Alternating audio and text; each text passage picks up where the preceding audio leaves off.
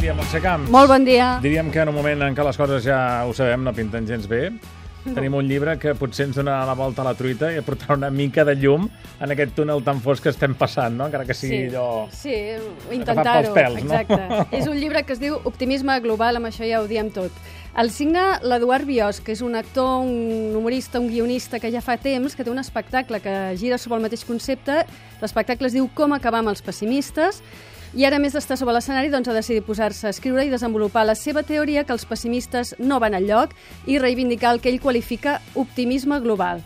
No us preguntaré si vosaltres sou optimistes o pessimistes de mena, cadascú que sigui el Però- que però pugui que no o ho el que veus. vulgui. Que som optimistes. Tothom fa el que pot, una miqueta, però ell es manifesta clarament com un optimista global, és a dir, no un optimista en coses concretes del dia a dia, sinó en la, en la visió de l'evolució humana. Sí, pel que estic fullejant, tot pot ser millor si vols. La història, Clar. la natura, el A planeta, veure, l'amor... Ell diu que el món està fotut, això ho tenim tots claríssim, però en comparació amb el passat està molt millor perquè el món evoluciona de manera positiva i, per tant, estarem millor en el futur.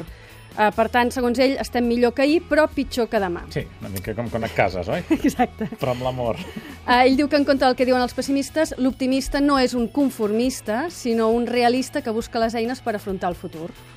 Llavors, el que fa aquest llibre és rebatre una per una 100 frases que sempre diuen els pessimistes. Per exemple, Per exemple, davant la frase tan suada, per dir-ho així, d'un pessimista que diu que només els idiotes poden ser feliços, ell diu que les persones estúpides acostumen a tenir una inestabilitat emocional superior a les intel·ligents i que ser feliç és, per sobre de tot, una tasca intel·lectual.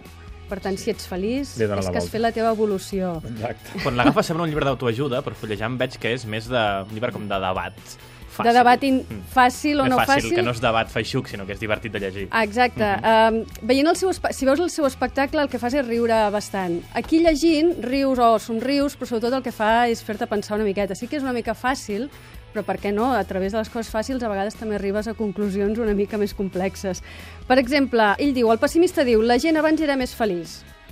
Ell diu que amb aquesta frase queda clar que el pessimista té una gran tendència a pintar el passat de color rosa i que fa, fa poc més d'un segle l'esperança de vida a Europa era de 30 anys. Per exemple, Roger, tu ja estaries senil, Sí. el Jordi i jo ja no hi seríem. No.